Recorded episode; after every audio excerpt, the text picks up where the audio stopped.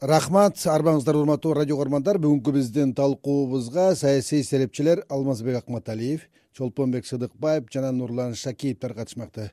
Саламатсыздарбы урматтуу эксперттер бизди угуп атасыздарбы? Менин биринчи суроом э, алмаз агай сизге да мына жогорку кеңештеги кыргызстан фракциясынан э, күтүлбөгөн жерден эки депутат э, өз каалоосу менен мандаттарын тапшырып алардын ордуна партия лидеринин өзү келди. Кыргызстандагы ал баймааналуу адамдардын бири жана партиялашы дагы бир депутат болуп келди. Бул көрүнүштү сиз кандай кабыл алып жатасыз? Кандай баалап жатасыз мынабу э, бир жагынан күздөгү парламентке болгон э, шайлоо менен байланышкан бир жүрүш катары деп дагы баалагандар бар да? Эми э, менин оюмча бул мыйзам ченемдүү нерсе азыр баягы парламентке шайлоо мындай негизги этабына кирди десек жаңылбайбыз себеби кандай шарт менен кандай эрежелер менен шайлоо болот? Мына бүгүн эле мына жанагы э, босогону карашты окшойт жогорку кеңеш. Э, ким менен биригебиз э, ушул сыяктуу өтө маанилүү убакытта үч төрт ай шайлоого калганда. Ошон үчүн ошо кыргызстан фракциясынын лидери негизги спонсору уюштуруучусу десек да болот ошол адам э, депутат болуп келгени бул э, баягы бул партия уже шайлоого мындай кызуу даярдыкты баштады деп мен деле эсептеп атам. Анан мунун эми жашыруун эле эчтекеси жок себеби шайлоо убагында өтүш керек мен э, ошол убагында өтсүн дегендердин арасындамын. Себеби мындай бийлик эч качан токтобош керек да? Демократиялык мамлекетте э, эч качан токтобой бирөөнүн бир бийликтин э, убактысы бүткөндө экинчи бийлик ошондон ары улап кеткендей система түзүлүш керек да? Ошон үчүн эми шайлоо аз эле калды. Менин оюмча жалгыз эле кыргызстан партиясы эмес башка партиялар деле өзүнүн аракетин көрүп атышат. Мен бул мен буга таң калган жокмун мисалы алда ушул сөздү улантсак э, чолпонбек мырза менин суроом сизге да мына э, азыр кыргызстан партиясынын э, негиздөөчүсүнүн парламентке келиши жеке эле өзүнүн фракциясында эмес жалпы эле парламенттеги башка депутаттарга таасир көрсөтүү үчүн же болбосо парламенттеги бийликчил позицияны күчөтүш үчүн ал киши келди дегендерде пикирлер бар. Сиздин оюңуз кандай?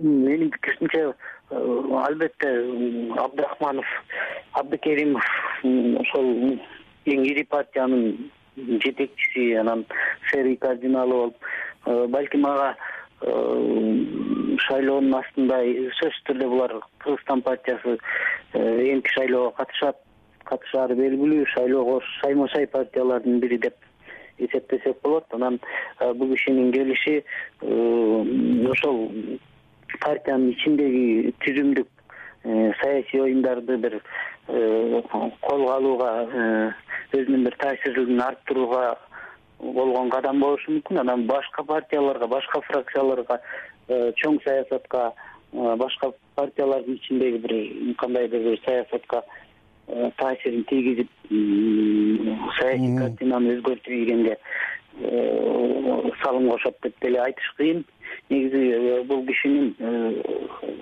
коомго кыргызстанга пайдасы саясатка караганда бизнесте көбүрөөк адамдардан деп билем. Рахмат э, нурлан мырза бизди угуп атасызбы? Угуп атам угуп атам мына биз бир партия жөнүндө кеп кылдык. Деги эле сиздин баамыңызда башка партиялардын аракеттери жөнүндө эмне айта алабыз? Могу шайлоого байланыштуучу. Мына коронавирус илдетине карабай э, шайлоочулардын көңүлүн алыш үчүн бир топ партиялар элге жардамдарды көрсөтүшүп керек болсо үгүт иштерин уюштуруп штабтарды менен кадимкидей иштеп атат дейт. Сиздин баамыңызда бул процесс кандай деңгээлде десек болот рахмат бакыт мырза мен биринчиден жанагы берилген суроого өзүм кыскача көз карашымды айтып анан экинчи суроого жооп берсем биринчиси шаршенбек абдыкеримовдун э, келишин мен мындай эле э, мындай сыпаттайм да. Биринчиден ал мурдагы бешинчи чакырылышта кыска убакыт депутат болгон. Анан эми алтынчы чакырылыштын да аягында ошондой эле миссия менен жеке өзүнүн карьерасында баягы мынчанчы чакырылыштын мынча жолу депутаты болгон деген Э, түшүнүктөр бар да ошого бешинчи алтынчы чакырылыштын депутаты болгон деген баягы мындай неме үчүн келди. Бир жөнөкөй экинчи жагы өзүңүздөр билесиздер азыр э, э, парламенттик шайлоого мындай олигархтардын мындай катуу аралашып уже тизме түзө баштады да белгилүү олигархтар. Анан ошого депутаттардын азыркы отурган депутаттардын көпчүлүгү анан баягы сырттагы саясатчылардын дагы мындай э, базары кызый баштады да ошол базарды э, баягы э, добуш ала турган болочок талапкерлерди көбү бир эки партия ыктап кетпеш үчүн бул ошо базардын ичине кирди да азыр. Кирип өзү соодалашып өзү жакындан баягы сырттан карап турбай ичине киргенге аракет кылды деп мен түшүнөм да. Ошол максат негизгиси. Ал эми могул тажылуу вируска карабай ар кандай Э, жанагы э, үгүт иштери болуп атышы бул деле закон ченемдүү көрүнүш. Анткени э, шайлоого өтө аз убакыт калды. Бир тактап айтканда төрт беш ай убакыт калды. Беш айга да жетпейт. Августтун айында уже башталат мындайча айтканда үч ай убакыт калды. Ошого карата мүмкүн болушунча тескерисинче ушундай апааттардан ушундай учурлардан дагы өздөрүнүн пиар жасап Э, алганга үлгүргөнгө баардыгы ашыгып атат да. Бул дагы биздин э, мындай жапайы демократиянын маалында э, бул мыйзам ченемдүү эле көрүнүштөр болуп калды да. Мына жергиликтүү шайлоого байланыштуу баягы айрым чоң шаарларда шайлоо өтмөк. Чоң жана кичи шаарларда. Ошол жылып калды. Бирок ошол жылганы кайра көпчүлүккө мындай жакшы аянтча болду да кенен аянтча болду. Ошол жагынан алып караганда Э, мындай э, аракеттер ар тараптуу жүргүзүлгөнгө э, толук мүмкүнчүлүк түзүлдү. Ал эми бүгүн жети пайызды мына азыр бир он беш мүнөттөн кийин добуш берет парламентте. Мен ойлойм босого чейин жети пайызга түшөт оюн эрежеси анык болот. Анан эми мына ушундан баштап катуу кызуу иштери башталат деп ойлойм мен. Рахмат алмаз агай Э, мына э, учурда э, партиялар ортосунда сүйлөшүүлөр жүрүп шайлоого бирдиктүү блоктор менен чыга тургандай аракеттерди көрүп жатканы дагы айтылып жатпайбы? Сиздин баамыңызда ошол сүйлөшүүлөрдүн негизги өзөгү эмне болуп атат? Дагы эле баягы олигархтардын партиясы олигархтардын парламенти болчудай эме барбы маанайы барбы? Эми мындай да э, олигархтардын э, парламенти кайра эле болооруна менде эч күмөн жок. Себеби э, кыргызстандай мамлекеттерде шайлоодо акча тыйын байлык сөзсүз өзүнүн ролун ойноп келген эми мындан ары деле ойной берет да. Анан кийин эми блоктор деп атабыз. Албетте сүйлөшүүлөрдүн сүйлөшүүлөрдүн бир эле максаты бар. Жанагы сапаттык курамы башкача айтканда баягы ким барат канчанчы номер менен барат ушул сыяктуу. Бирок бул жерде бир эки нерсе азыр кызык бир оюндар башталды деп ойлойм. Себеби жана алтынбек сулаймановдун э, мыйзамы кирип атпайбы ал талкууланып? Жанагы ачык список пропорционалдык деп атпайбызбы? Эгер ошол кирип калса башка э, жагдай түзүлүп калышы мүмкүн. Экинчи жагдай көңүл бурчу. Бул э, жанагы чоң казак э, саясий партиясынын активдүүлүгү да бул дагы жанагы бай бай бай партиялар аркылуу акча менен өтөбүз деген үмүттөрү бар партиялардын мындай ичине бир шайын кетирип коюшу мүмкүн да толук себеби э, азыр баягы бай партиялардан бай адамдардан олигархтардан түзүлгөн парламент мындай көп деле мындай өз алдынча боло албасын элдин көзү жетти окшойт. Бирок ошого карабай албетте акча тыйын сөзсүз ролду ойнойт. Ошон үчүн э, блоктор э, кандайдыр бир кошулабыз деген сүйлөшүүлөр сөзсүз түрдө болот.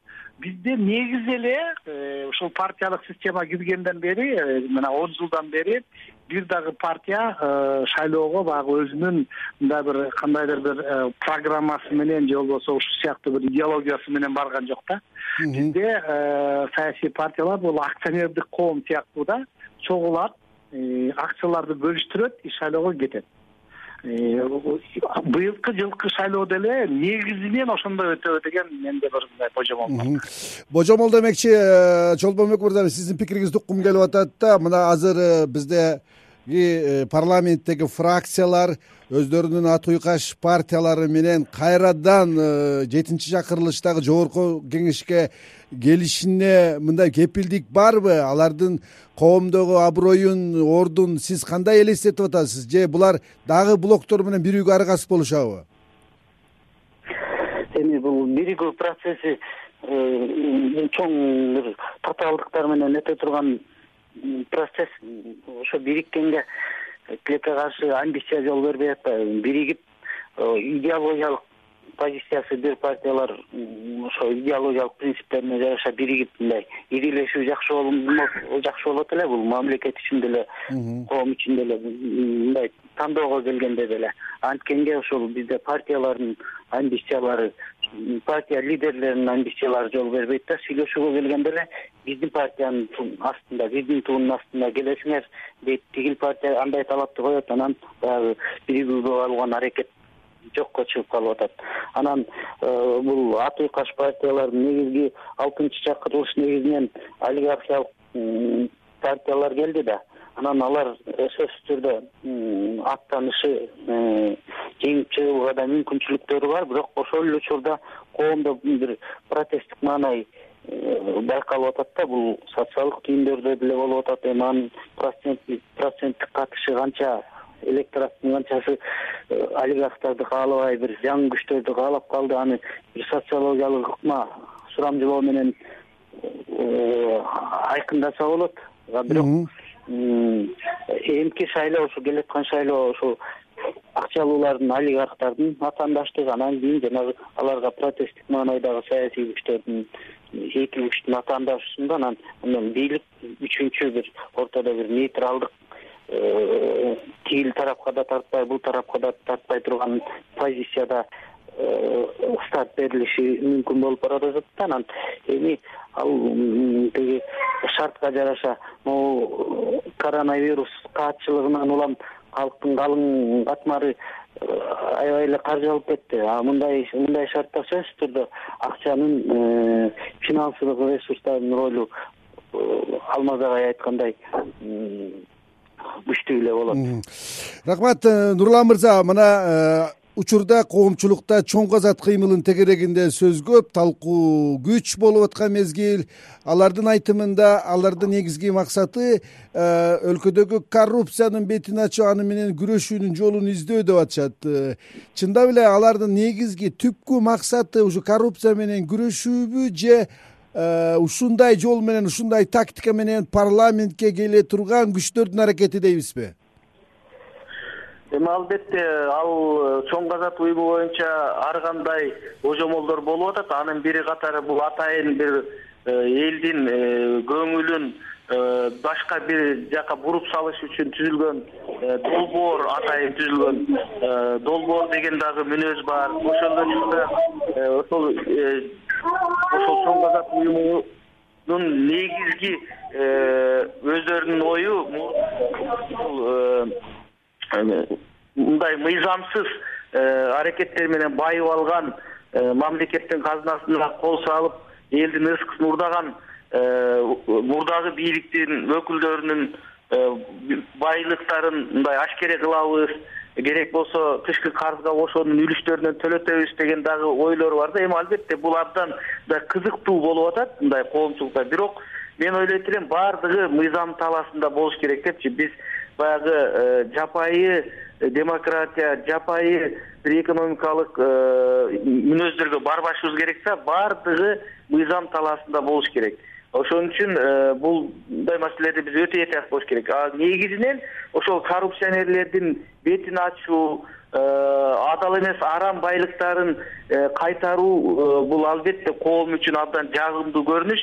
Анын ичинде мен деле каалайм. Убагында элдин ырыскысын жегендер сөзсүз эртеби кечпи аны элге кайра кайтарып бере турган учур сөзсүз келет болуш керек болчу да. Ошо кандай пайдаланат? Ал эми парламентке кандай келет?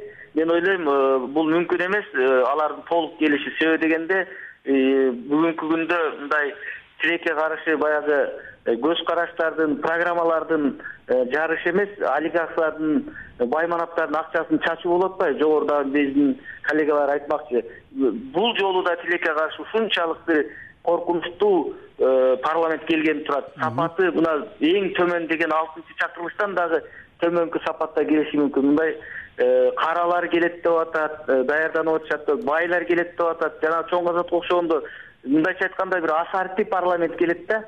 Менин түшүнүгүмдө өтө мындай өкүнүчтүү болот эгер андай боло турган болсочу. Рахмат э, алмаз агай мына э, жогоруда да сөз болду ушул сааттарда ушул мүнөттөрдө талкууланып колдоо эме добуш берүүгө жөнөтүлүп жаткан. Мына бүгүнкү жогорку кеңеште партиялардын парламентке өтүшүндөгү босого проблемасы маселесичи сиз канчалык э, ойлойсуз? Ушул өтө чоң маанилүү нерсе партияларга э, парламентке келишине кайсы э, чендеги эме босоого туура келет эле деп ойлойсуз? Демократиялык принциптерге туура келет эле деп ойлойсузбу алмаз агай угуп атасызбы бизди ар кандай мисалдар бар ар кайсы мамлекеттерде мисалы э, нидерланды голландия сыяктуу мамлекеттерде бир процентке да жетпейт.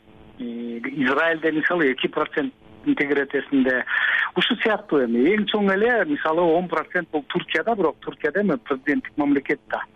Ошон үчүн мен э, жети процентти кабыл алып атканда эле өзүмдүн оюмду айтканга аракет кылдым эле өтө эле көп.